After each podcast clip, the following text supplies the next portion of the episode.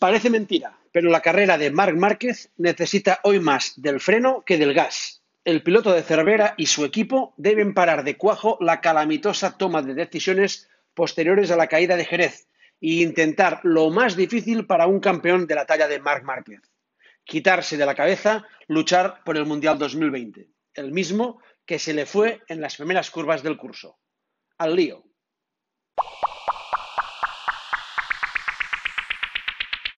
El primer Gran Premio de MotoGP del curso 2020 de Marc Márquez conmocionó a todos con cuatro movimientos sísmicos que hicieron temblar los cimientos del campeonato. El primero fue la salida de pista del campeón a las primeras vueltas, que le hizo pasar del liderato al farolillo rojo. El segundo fue la mejor remontada que se recuerda en la competición. El tercero, la violenta caída que dio con su dolorido cuerpo en el suelo. El cuarto lo vivimos cuatro días después, cuando todavía con los puntos de la operación bien fresquitos, no se le ocurrió otra que saltar a la pista. Y eso pasó porque a los doctores no se les ocurrió otra que darle el alta.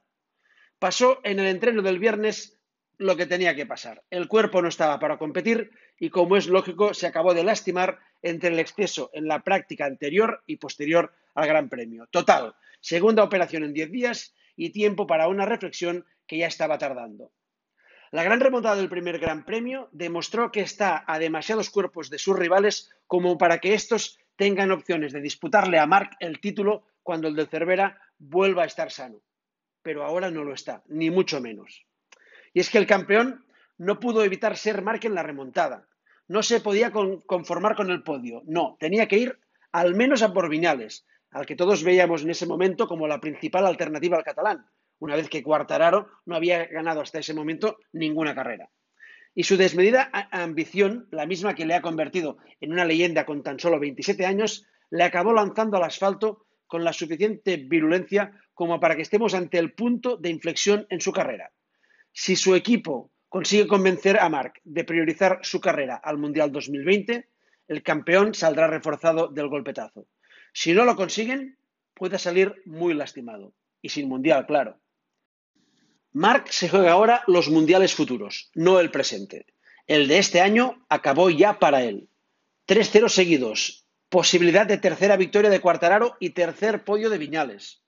Demasiados puntos para un físico lastimado y un calendario recortado. Recuerden, tres carreras menos.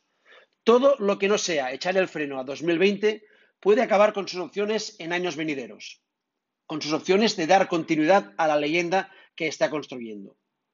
A un afamado campeón de 27 años no se le puede exigir contención y reflexión. A su equipo de asesores, sí. A los doctores que le permitieron agravar su situación horas después de la primera operación, también. Frenen al chaval para que el chaval continúe siendo inalcanzable para el resto. La mejor salvada pasa por clavar el freno. Tiempo habrá para volver a abrir gas. Bueno, pues parece que se presenta el Napoli en el Camp Nou con la insigne baja de Lorenzo. Cuidado, que hace un año visitamos a un Liverpool sin Salah Firmino ni Keita y con un 3-0. A los Reds les bastó con Shakiri, Wijnaldum y Origi.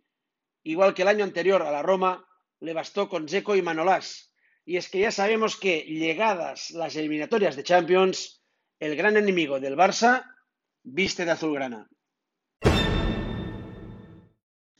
Aparece la noticia de que Cristiano Ronaldo no está a gusto en la Juve y se plantea un cambio de aires a París para jugar con Neymar y Mbappé justo el mismo día que Paulo Dybala es elegido MVP de la Serie A. Qué cosas tiene el luso, ¿verdad? Por cierto, se quería comparar con Messi y pierde la primera comparación con Dybala. Mira, cosas tú. Asistimos impávidos desde hace días al mercadeo de Jorge Méndez sobre Trincao. Que si el Leicester pone 50 millones, que si el Atalanta está loquito por agenciárselo.